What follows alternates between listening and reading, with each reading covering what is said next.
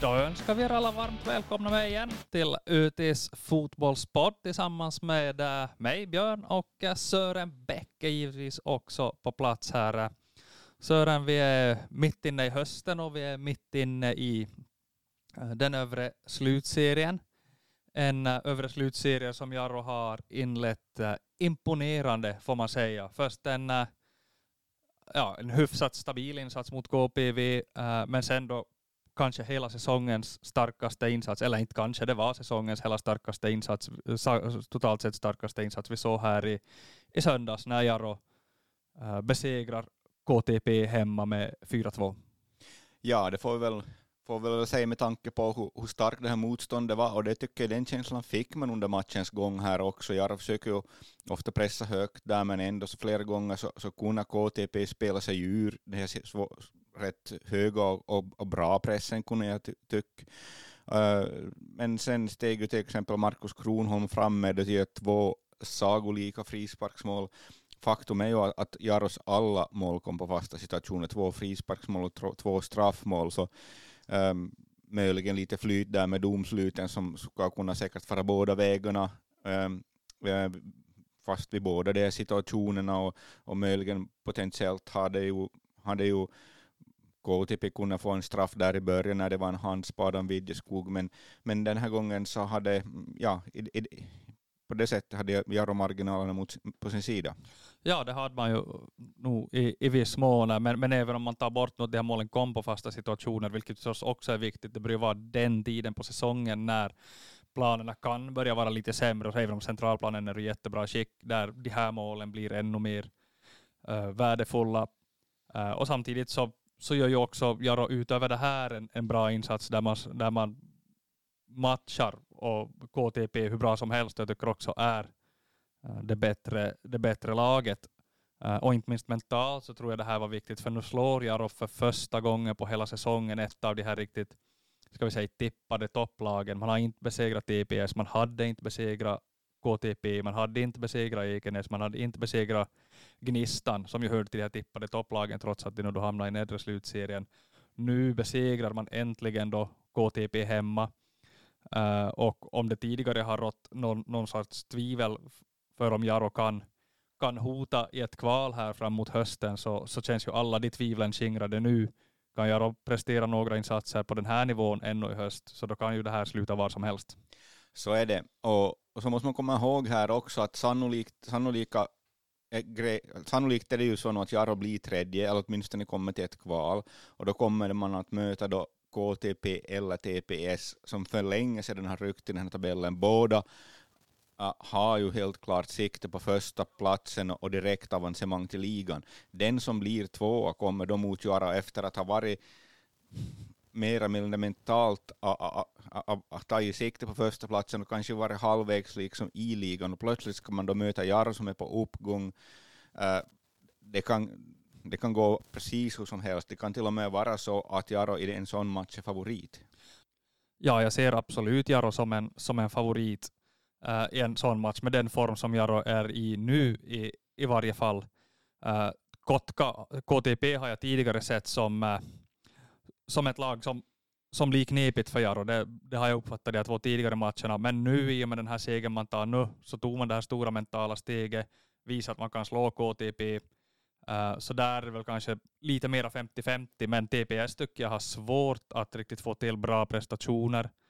Uh, de kommer då och då, men nu senast igen så leder man mot uh, Japs både en och två gånger, lyckas ändå förlora med 3-4 och fortsättningsvis står det inte riktigt rätt till i TPS verkar det som. Det ska bli intressant match nu till helgen att se uh, när jag råkar dit var de här lagen står. Jaro har ju gjort två rätt bra insatser tycker jag mot TPS den här säsongen.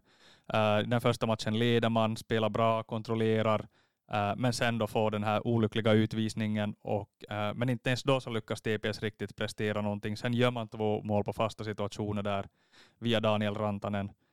och sen gör Jaro en ganska bra insats igen i Åbo, men är eh, väldigt ineffektiva och TPS vinner den matchen också. Eh, men eh, ser inte att, att Jaro går in som underdogs mot TPS heller i ett, i ett potentiellt kval.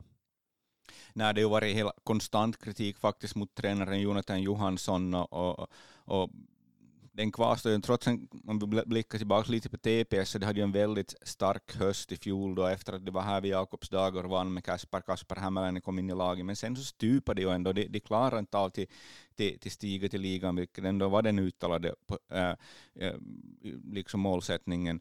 Nu är ju lite läget börjar, skulle ju bli lite snarlikt här nu om, om man då inte vinner serien och stiger direkt, så då hamnar man i det här kvalet igen. Och jag tror det kommer att vara mentalt väldigt besvärligt för TPS om man blir tvåa. Ja, där är ju pressen en helt annat. Där, där finns det ett krav på att laget ska upp till, till ligan genast i princip, och inte minst på Jonathan Johansson är pressen. Hur misslyckas han den här hösten? Och då, då kan han nog börja ligga ganska pyrt till på den där posten. Det får man väl nog utgå äh, från. Äh, och som sagt, det är en väldigt intressant match på gång här nu till, på lördag när jag åker till Åbo för att ta emot just TPS, eh, ett lag som mycket väl kan komma emot i, i ett kval här ännu i höst. Uh, och jag tänker helt enkelt Sören att vi gör så att vi, vi ska slå en signal tror jag åt, åt Jimmy Varg, ringa upp Jimmy här och, och uh, kolla lite kolla lite läget med honom helt enkelt, vad han har för tankar inför den här matchen. Få lite info direkt.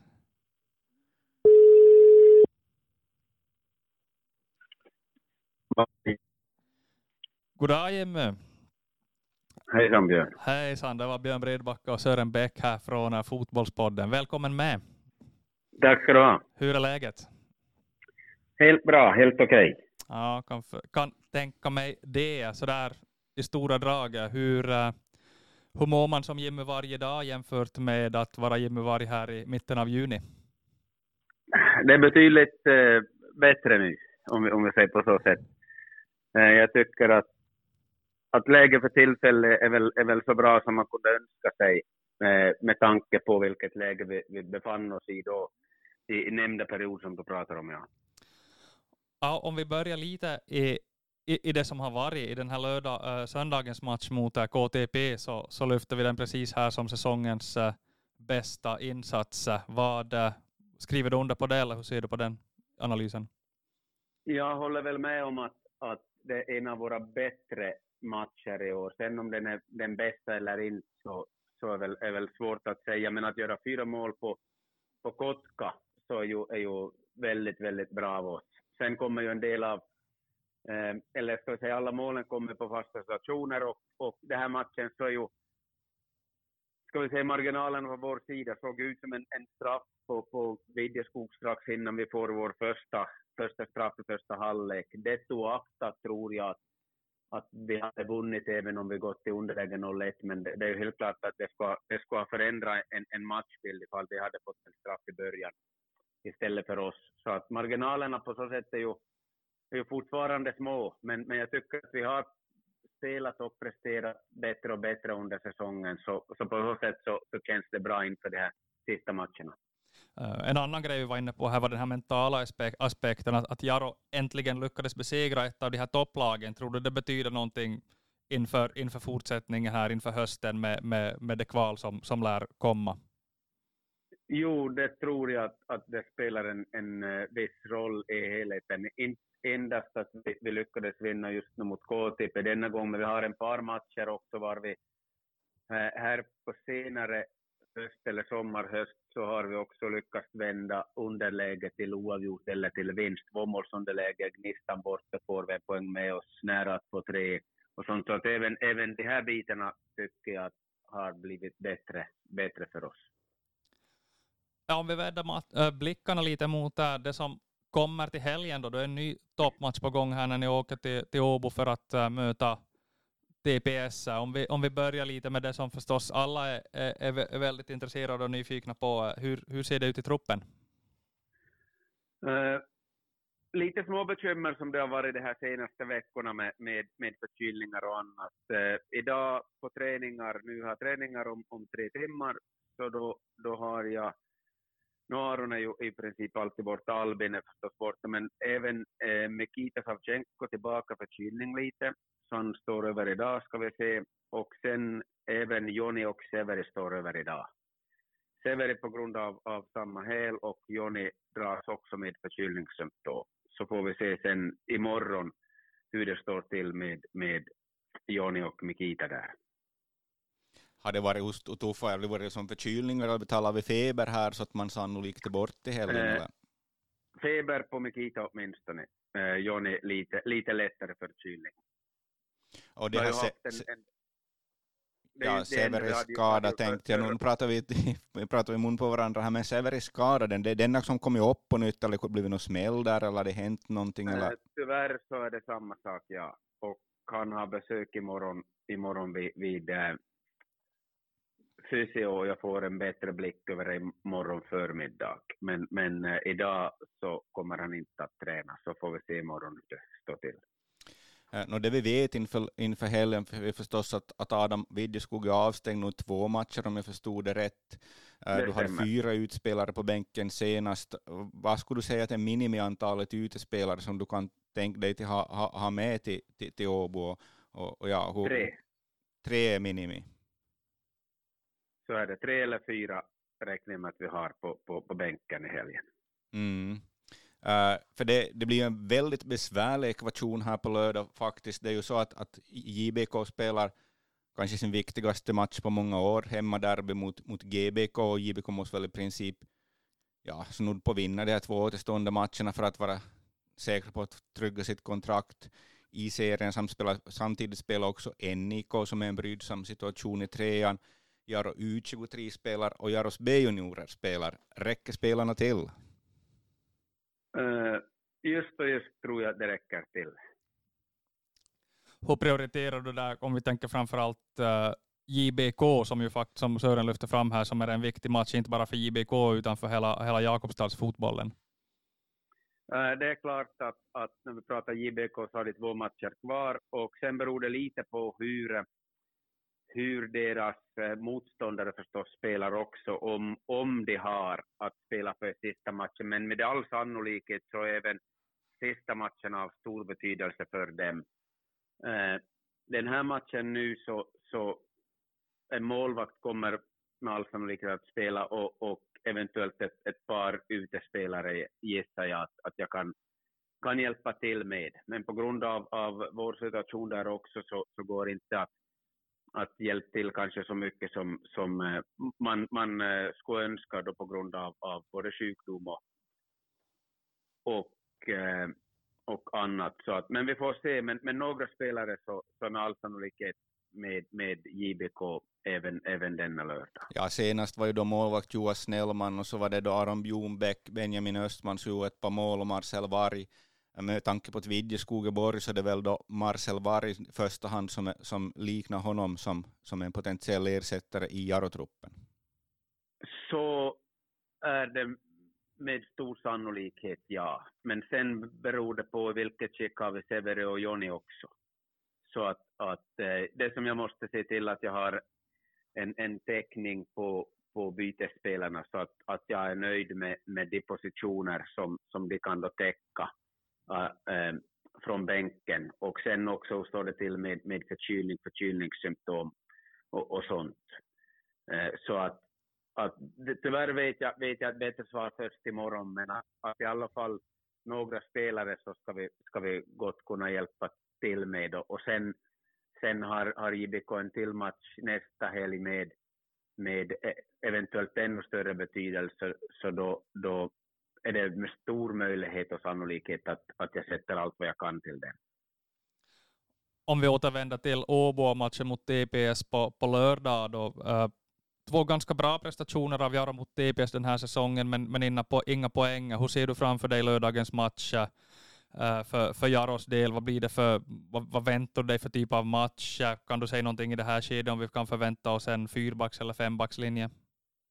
Ja, vi kan förvänta oss en fyrbackslinje. Det är i princip relativt klart att, att vi kommer att, att, att spela. Vi spelade en bra match förra gången i Åbo.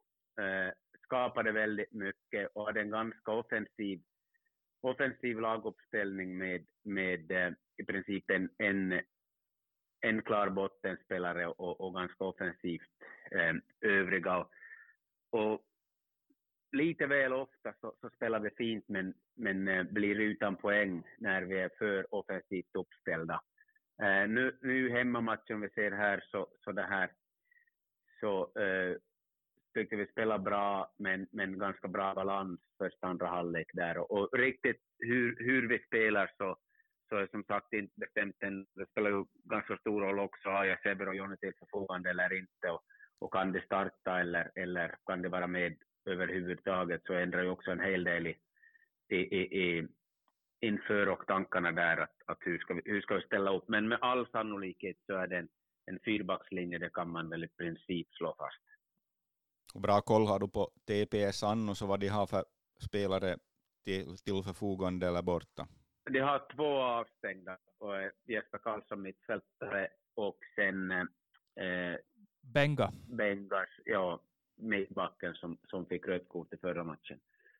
Så betyder att, att förra gången så spelade en trebackslinje mot oss i första halvlek, men med all sannolikhet så då, då kommer det också med en fyrbackslinje. Och sen på mittfältet så kommer det väl då Rantanen in för Karlsson. De har lite turats om vem som spelar av den eh, tillsammans med Antoni Annan. Och det betyder då att då får vi se upp med hans högerfot, så det är någonting vi måste beakta. Under hemmamatchen så, så var det ju hans högerfot plus vårt röda kort som i princip avgjorde den matchen, så att, att det här att I, inte dra på sig frisparkar utanför straffområdet. Så kan man säga. Äh, det som vi var inne på lite här för vi ringde upp dig, att, att vi utgår på något sätt ifrån att Jaro kommer till spela i en kvalmatch här, jag tror det blir 12 oktober, det blir förmodligen på hemmaplan, uh, och, och vinner man den då så kommer ju den här tvåan, tvåan sen emot här. Uh, de här ettan och tvåan är ryckt i ett ganska tidigt skede, så jag, det som jag var inne på, att att vem en tvåan blir, kanske speciellt om det blir TPS med tanke på att det de misslyckades i fjol och allt det här trycket på Jonathan Johansson, så, så har det en ganska besvärlig sits att, att vi utnämner lite Jarro som en favorit i en, en sån match om man kommer så långt. Har du funderat kring de här scenarierna? Eh, jag funderar kring alla scenarier, och vem vi kan möta och vilken position. Och, och eh, jag pratade till killen att vi har sju matcher kvar i dags dato och att, att efter 23 tionde så då, då, då, blir det semester. Men så, så länge så ska vi det är fullt fokus på, på, på en match i taget för spelarna, men själv så har man förstås lite funderat i och kring de här banorna. Och, och så starka som Kotka har varit på, på sin hemmaplan så, så tänker man sig att vi, vi, vi blir trea, får en hemmamatch. Eh, Lyckas vi prestera mot vilket lagen som kommer, om det är Ekenäs, Jepp eller KPV, så har vi en stor chans att gå vidare. Men i fotboll vet man aldrig, aldrig om, om, om eh, bollen studsar ens väg, även om man, om man den dagen till och med kan vara lite bättre, skapa mera målchanser, så det är ändå inte klart att man alltid, alltid vinner, vinner eh, fotbollsmatcher. Men, men låt oss säga att vi, vi spelar en hemmamatch, eh, vi har eh, folk friska, vi klarar oss att ta vidare, eh, så är det ju helt klart att, att så som de har spelat speciellt mot oss, så är det kanske så att man hellre ska åka till Åbo, också med den press som, som då finns på TPS och på, på Johansson eh, vid rodret. Eh, Kotka har ju varit väldigt, väldigt starka hemma på en stor, stor konstgräsplan, men blir det Kotka så blir det Kotka och då, då, då kommer vi också att ta den matchen och, och, och åka dit för att vinna. Och så ser det ju ut redan som att, att i princip är det ganska klart att det är Lahti som skulle vänta i så fall. Du, gnuggade händerna här i söndags när Lahti förlorade med 6-0 mot IFK Mariehamn. Ja, men den matchen eh, är lite orättvis, för Lahti borde ha ledat med tre eller fyra mål i första halvlek. Men, men det är inne en sån trend var, var man inte lyckas göra mål. Och sen när motståndaren gör ett så, så ras, rasar det ihop. Men, men Lahti var faktiskt bättre, bättre än IFK klart i första halvleken där, så att på så sätt är det ju inte riktigt all, alltid siffrorna ljuger lite ibland och den matchen så, så där var inte riktigt så som händelseförloppet såg ut över hela 90 minuter. Ja, har vi speldatumen där klara, då, har, har du, kan du dem utan till. Vad, vad blir Jag den här? tror att det är söndag 23 och så är det väl eh, onsdag eller torsdag mitt i veckan, vilket datum det sen blir. Mm, och äh, börjar, var det, var det så att äh, division 1-laget börjar hemma? Normalt börjar, normalt börjar division 1-laget hemma, det har jag inte koll på, men så, så brukar det vara. Så var det i 2001 när vi steg, då började vi mot Jokerit hemma, som då spelades i Vasa. Och, och andra matchen var då Helsingfors. Sen spelade ju faktiskt Jaro mot Lahti, men det var året före du kom tillbaka som spelare hösten 99, så spelade ju Jaro ett, ett ligakval mot, mot FC Lahti med Timo Marjamaa. Ja. Okej, okay, då, ja, då var jag ju inte med. Nej. Så det är chans till revansch kan det bli. Så skulle det kunna vara, kan man säga. Den tar vi gärna emot. Men som sagt, det är en match i taget som gäller och vi behöver med sannolikt några poäng till för att säkra tredjeplatsen, vilket jag tycker också är ganska viktigt att få att bli trea så att vi kan spela, spela hemmamatch eh, trea mot fyra istället för att, att inom den veckan ha två bortamatcher. Så att tredje matchen är någonting som vi, tredjeplatsen är någonting som vi, vi, vi absolut vill ha. Okej Jimmy, äh, med de orden så tackar vi dig för det här inspelet i Fotbollspodden den här veckan. Du får fortsätta och förbereda träning eller vad du har, vad du har på gång. Det är det som är på gång. Tack yes. ska ni ha. Tack. Tackar. Ja, det var alltså Jimmy Vargs tankar här inför, uh, inför helgen. Uh, inget uh, förvånande. det är lite tråkiga förstås att truppen inte riktigt håller ihop. Den är ju ändå tunn den här truppen och speciellt när vi pratar om Severi Kähkönen, Joni Remesaho, eh, två mycket viktiga offensiva spelare för Jaro just nu. Eller inte just nu, utan helt och hållet. Så är det, och det har ju varit väldigt formstarka båda två den här säsongen. Um, och, och, speciellt nu då man ser hela den här kedjan som vi var inne på, att, att varje spelare som eventuellt faller bort för, för Jaro så, har, så blir det en helt kedjereaktion genom hela det här hela, hela spela, spelarstrukturen med, med JBK, Nick och, och, och, allt vad, vad det heter med, med deras viktiga matcher. Så, så att, eh, att eh, det är viktigt att, att de här kan vara med åtminstone i, i truppen. Ja, eh, om man nu lite spekulerar kring 11, vilket ju är svårt nu då eftersom vi har oskrivna kort, men kan Mykita Savchenko stå, ja då lär ju han, han vakta målet. Uh, ja, och, för, och för en målvakt om man, om man är förkyld eller har, man har ju inte samma, man tar ju inte upp pulsen på samma sätt som en utespelare, så jag tror att, att, att, att där, där kan ju, det är lättare för en målvakt att stå även om man är förkyld. Ja, och blir det så att, att Mykita Savchenko inte kan stå, ja då lär ju endera äh, Källström eller Snellman axla den manteln äh, och säkert då som senast med Emil Öberg på bänken för att den andra ska kunna stå med IBK. Uh, förmodligen blir det så. Uh, jag har ju, jag, vad jag förstått så var, var Hannes Källström alldeles nyligen på en repövning och missade en match och så har han varit, sen blev han förkyld där, blev sjuk så att han, han har varit lite småkrasslig och då haft, haft avbrott med träning så då kan man ju spekulera i att det blir Joa Snellman som står i så fall. Backlinjen där lär det väl inte bli några överraskningar då eh, Kyöstilä till höger har imponerat sen han kom. Och Koje och Brunell mittbackar förmodligen. Alex Ramsey i min värld lite oväntat petad senast men mittbacksparet skötte sig ju fint men där, där finns ju Ramsey att plocka in om så behövs. Det där fanns ju orsaker för han hade ju haft tror jag angina till och med Ramsey och varit ja, sjuk, haft en, det, ja. en träning på två veckor så det var helt följdriktigt.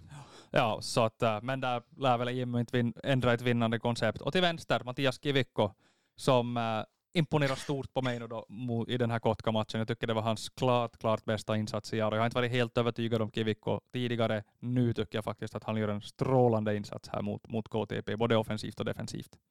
Så var det ju, och, och just det kanske, som jag var lite kanske inne och spekulerade där, att det, det här just det här hala underlagen har liten låg tyngdpunkt, rätt bra balans, att, att den här typen av spelare kan dra nytta av det här typ, kanske som en, som en Remesaho. Vi var inne lite här på Kyöstila och han, han ser ju väldigt bra ut. Man ser ju att han har rutin, att han, han verkar, han hamnar i princip aldrig i tidsnö, han verkar göra de här rätta sakerna, de här fatta de här tidiga och rätta besluten som gör att, att, att hans sätt att spela fotboll som ser så enkelt ut. Så får vi ju se då hur det blir med det här mittfältet. Vidjeskog som sagt borta, Bouchou lite roterad senast, går ju garanterat in från start nu, bara han är i skick, vilket han ju verkar vara. Eh, vem som tar platsen där bredvid återstår att se. Blir det Markus Kronholm som går in där, eller vill man ha Markus Kronholm högre upp i banan då, om till exempel om både Jonny och Severi är borta, och då, då ligger det nära till hands med Marcel Varg. Uh, det är en möjlighet, ja. Um, jag tycker personligen att, att Kronholm är bättre läng, läng, lägre ner i banan. Jag ser inte honom som en, en, en djupledslöpande nummer 10-roll, ser jag inte som, som det här optimala för, för, för, för Kronholm. Så att, uh, för hans bästa så skulle det vara bättre med, med kanske nummer 8-position. Ja, det tror jag också att det skulle vara det bästa. Men, men är det så att både Kähkönen och Oremesaho saknas, då, då börjar det ju vara ont om spelare där längre uppe. Då behöver man kanske flytta ut en däng på en kant, ha Myrevik på andra, Gero på topp. Uh, och då behövs, då behövs kanske både Varg och Kronholm på, på mittfältet där. Så eh, kan det se ut. Ja, det har vi förstås eh, Hotta också som, som, som konkurrerar. Ja, Hotta finns ju också. Han har väl också haft lite, lite hälsoproblem här. Sent inhopp senaste.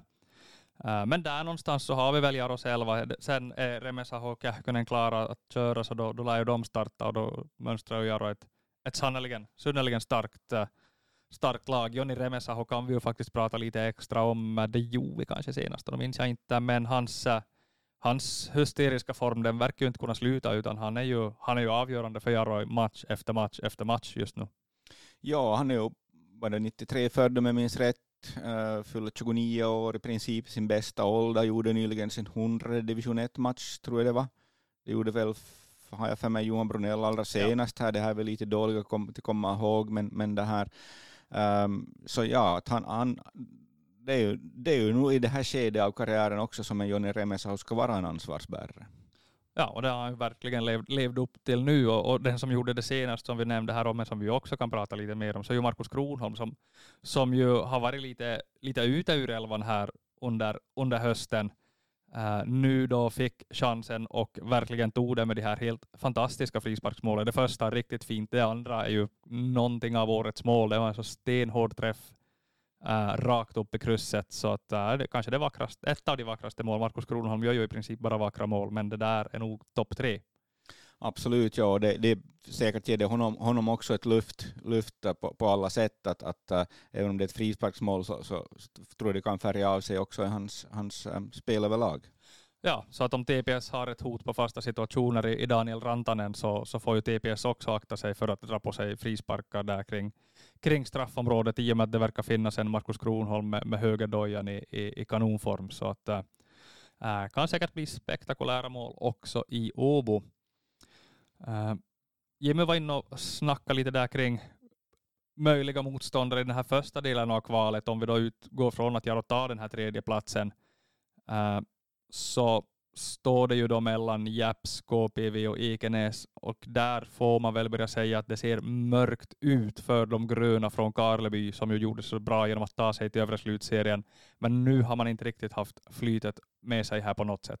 Nej, de spelar ju faktiskt här då borta mot KTP eh, imorgon fredag eh, och eh, man har nog Sebastian Manström borta. Han hade fått en smäll mot knä så han måste vad jag förstod, åtminstone sex veckor vila totalt. Det handlar väl inte om operation utan att man ska vila. Det betyder ju att den här säsongen är över. Äh, Manström är ju oerhört viktig för KPV, så att det är klart att, att äh, äh det, det, det, kan bli tufft för KPV att komma upp till det här, till det här kvalet. I dagsläget ser det väl kanske ut ändå som att, att det förmodligen blir Ekenäs, så då är det ju inte helt orimligt, eller till och med sannolikt, att Ekenäs kommer att komma hit Eh, och spela mot Jaro först, avsluta serien den 8 oktober tror jag och kommer att komma den 12 oktober på nytt för att spela i ett kval. Ja, det finns ju till och med en ganska överhängande risk att den där sista omgången i grundserien inte betyder någonting för något, något av lagen. Att Jaro har säkrat tredjeplatsen och Ekenäs har säkrat fjärdeplatsen. Uh, eh, I så fall finns det väl risk att det blir lite avslagen avslutning på, på grundserien här, eller på övre slutserien här i Jakobstad det finns det, det, det kan man tänka sig, det blir, mm, truppen roteras och, och, och, och, och nu har ju Jaro en rätt bra avstängningssituation för tillfället. Adam Widjeskog ska ju ha avtjänat sina två matcher då, vara tillbaka till den, ja. Ja, tillbaka till Ekenäs-matchen. Och i övrigt så har Jaro ingen som ligger där på gränsen just nu, utan man har folk på två varningar, man har folk på fem varningar, eh, och man har någon på sju varningar. Men, men alla är långt ifrån de här gränserna, så kan Jaro bara undvika röda kort nu så ska den här säsongen kunna gå utan att Jaro drabbas av flera avstängningar. Det är klart att någon kan ta gula kort två matcher i rad och sådär, men, äh, men om, om Jaro lite håller sig kalla så, så kan det här lyckas. No, med den takt som, som Bushu och Koi har så ska vi ju inte ropa hej, de kan ju bra lyckas dra på sig några gula här ännu. Så är det förstås, äh, men där kan man ju tänka att Skåne till exempel blir en sån här lite betydelselös match hemma mot Ekenäs, så då, då finns det ju också alla möjligheter att varna, äh, varna säga, vila äh, de här varningsmaskinerna. Äh, sen måste jag säga att jag i det här skedet inte har helt hundra på vad som händer med de här varningssaldona inför, inför kvalen. Äh, de nollas väl knappast. Ja, det får vi kolla upp tror jag. Ja, det återkommer vi till garanterat. Det missar ni inte om ni följer med där på ot.fi eller på läser papperstidningen så, så kommer den infon att komma till er här innan det är dags för, för kval. Uh, någonting annat i fotbollen vi behöver eh, notera sådär lokalt? Ja, jag tänker på en sak faktiskt. Eh. Man får ju ibland det här krypa till korset här och konstatera att man har fel. Tycker att det gör vi var, varannat avsnitt. Uh, och en spelare som man verkligen får säga det om nu, uh, det är ju Antonio Lusanja. En spelare som vi var ganska skeptiska till den här stora övergången till HJK och tänkte att det där blir nog ett ganska snabbt projekt. Eh, eh, men sakta men säkert så har han kommit igång där. Eh, nu har han gjort två inhopp i, i tuffa Europamatcher, bland annat mot Betis och Roma. Han har gjort ett antal mål. Han blev vald till in i månadens lag i augusti. Och äh, man kan väl inte tala om något genombrott ännu på nationell nivå. Äh, men äh, han börjar göra ett namn om sig i alla fall. Ja, jag såg faktiskt häromdagen, ehm, um, jag var på lunch, lunch så så är Olusanja i stan, det är ju landslagspaus för tillfället. Sen så måste vi komma ihåg där, men det som jag nu har följt med HJK så har man väl fyra centrala anfallare. Eh, inför säsongen så skulle väl Roper Riski vara typ nummer ett. Han har varit skadad hela säsongen. Eh, eh Rodulovic kom, han är nyskadad. Eh, sen kom den här Malik och Olusanja, Man har alltså två centrala anfallare kvar. Det här är en position som man byter rätt ofta på i de här viktigare matcherna. Det är ofta den här Malik som kommer från tror jag, Malmö som startar. Eh, man, man är alltså uh, man har inte jättemånga alternativ på den positionen för att vara HIK, man hade fyra. Skulle inte de här skadorna ha kommit så ja, hur mycket skulle Olusanja spela? No, det är förstås en fråga samtidigt så Olusanja kan inte göra så mycket mer än ta chansen när han får den. Så är det, så är det. Men, men frågan är ju då att skulle den här chansen alls ha kommit så att, att man skulle ha lite flyt och man skulle ha chansen när, när man får den men, men det här eh, det här är väl en faktor nu i den här speltiden också. Ja, så är det ju garanterat. Eh, men han gör sina mål. Han blev uttagen till, till månadens lag och det är inte alla HJK-anfallare som har spelat som har blivit det den här säsongen. Eh, så att, nej, kul att följa Olusanias framfart där. De övriga ligaspelarna de, de kämpar på. Jesse Öster verkar ha tagit målvaktssituationen igen i SJK vad jag har sett. Och ofta lagkapten också. Ja, med minst rätt så går väl hans kontrakt ut till hösten. Det skulle vara roligt om man, uh, han kommer förmodligen då uh, att, uh, ja, skulle han få fortsätta där tror jag han skulle vara rätt nöjd. Ja, han verkar tillfreds där. Axel Widjeskog lite fast på bänken i Kups ja, det är ju betydligt tuffare att få speltid där. Han spelar ju mer eller mindre som ordinarie kan man säga Ilves som haft en väldigt jobbig säsong annars. Um, kom tillbaka till Kups och, och, haft svårare att få speltid där. Att det har ju en mycket bredare trupp. Simon Skrabbe kan vi också nämna. Han äh, spelar ändå ganska regelbundet i Kalmar. Startade de allra flesta matcherna, ofta utbytt där vid 65 minuter ungefär. Uh, lite låg leverans tror jag om man tittar på förväntningarna det här för, inför den här säsongen. Hade väl han sist senast men, men står väl på typ 3 plus 2 eller 3 plus 3 eller någonting, någonting sådant. Och det, det är väl kanske lite under förväntningarna i ett Kalmar som i övrigt gör en, en ny jättebra säsong och spelar spännande fotboll under, under Henrik Rydström. Ja, så har vi, kanske borde vi ändå gå ändå lite mera inför det här JBK GBK-derbyt och nu verkar det som GBK ändå så skulle klara kontraktet. Allt talar ju för det i den här efter att de vann senast. Um, däremot JBK har ju en jobbig sits. Um, och då frågan man ställer sig förstås hur viktig är den här division 2-platsen för JBK och för Jakobstadsfotbollen? Ja, den, det har ju gått utan den förr sådär. Så länge, så länge kan man hålla det på, på ett år eller två som, som JBK är nere i, i trean och, hämtar, och, och det här eh, tar ny fart så, så är det väl ingen panik. Men det är klart att, eh, att Jaros, eh, ska vi säga, ja, de behöver de här matcherna i tvåan. Det är ändå stor skillnad på, på tvåan och trean, så på, på sikt så, så känns det att den här två, division 2-platsen den är, den är viktig för, för att de här spelarna ska få den rätta utvecklingen. Och ser vi till exempel hur en Benjamin Östman håller på att växa till rejält här på, på höstkanten, utmärkt sig som målskytt i, i, i JBK, en väldigt viktig spelare, ledare där i det där laget. Och, uh, och, och, det är ju sånt som den typens insatser på den nivån som kan göra dem så väldigt mycket mer redo för, för speltid också i Jaro. Så är det, och, och det, det, här skulle förmodligen inte, eller det skulle, division 3 skulle, det blir lite onödigt långt steg helt enkelt för den här typ Benjamin Östman-typen av spelare. Nu får han bra matcher i JBK som, som betyder jättemycket. Det, det gäller för alla de här 02 födda och de här som då ännu är, är A-juniorer och kan flytta enkelt av och an. Så eh, 02 födda och yngre, så de, de får jättebra matcher för JBK som faktiskt också betyder. Så, så jag, jag tycker ju att det är viktigt. Sen är ju frågan om JBK faller. Okej, okay, om de faller så borde det brukar kunna komma friplatser på vintern. GBK fick friplats förra vintern, men ponera att vi har då ett JBK i trean, vi har samarbetsklubben NIK i trean, och lite överraskad var jag att höra att Jaro U23 tänker ta emot division 3-platsen.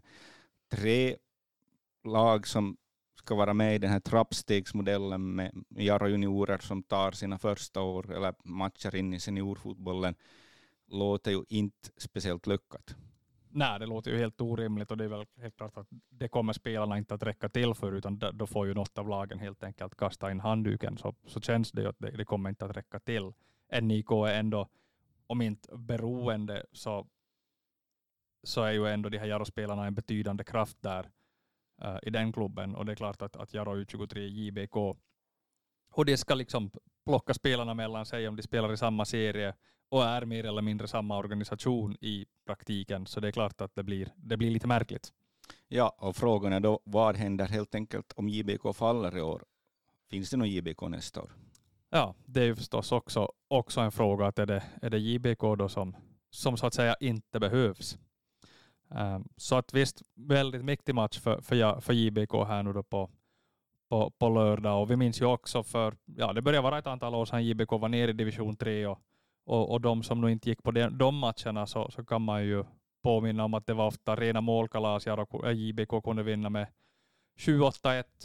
Sen var det något tufft lag i serien. Något, eh, minns detta året var det väl SJKs, ja SJK Akademia helt enkelt. De hette någonting annat då, men typ SJK Akademia var det som var i trean och som då vann de två avgörande matcherna och eh, så till att JBK fick fortsätta i trean och och spela ytterligare en säsong då mot, mot ett antal lag som, som helt enkelt var långt efter nivåmässigt och, och det ger inte samma sak. Och jag kan väl kanske ifrågasätta det här beslutet, eller jag ifrågasätter väl nog det här beslutet att U23 att gå upp till trean, att finns det, faktiskt, finns det spelare och har jag tillräckligt bra juniorer? Just nu så har man väl inte tillräckligt bra juniorer.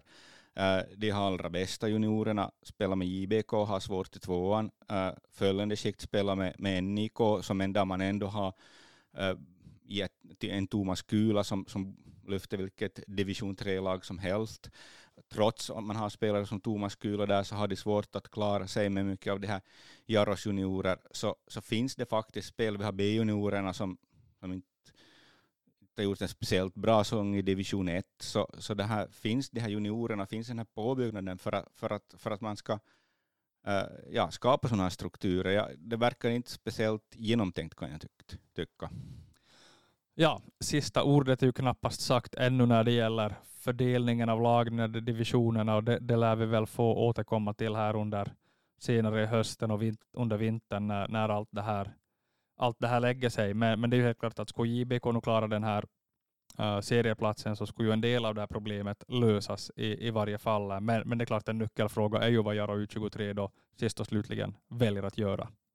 Och så kan det förstås bli så att, att NIK faller till fyran. Uh, ser man på tabellen så ska väl fyra lag falla. Den allmänna tippningen, om jag pratar med Stefan Kühl och andra tränare i division 3, man vet inte, för det beror på vad som händer i de här övriga zonerna, att, att vem kommer upp och vem kommer ner. Att allmänt tippas det väl att det blir i praktiken två eller tre lag som faller från trean, vilket äh, gör att det är egentligen helt öppet var NIK spelar, spelar kan, kan vara öppet ganska länge.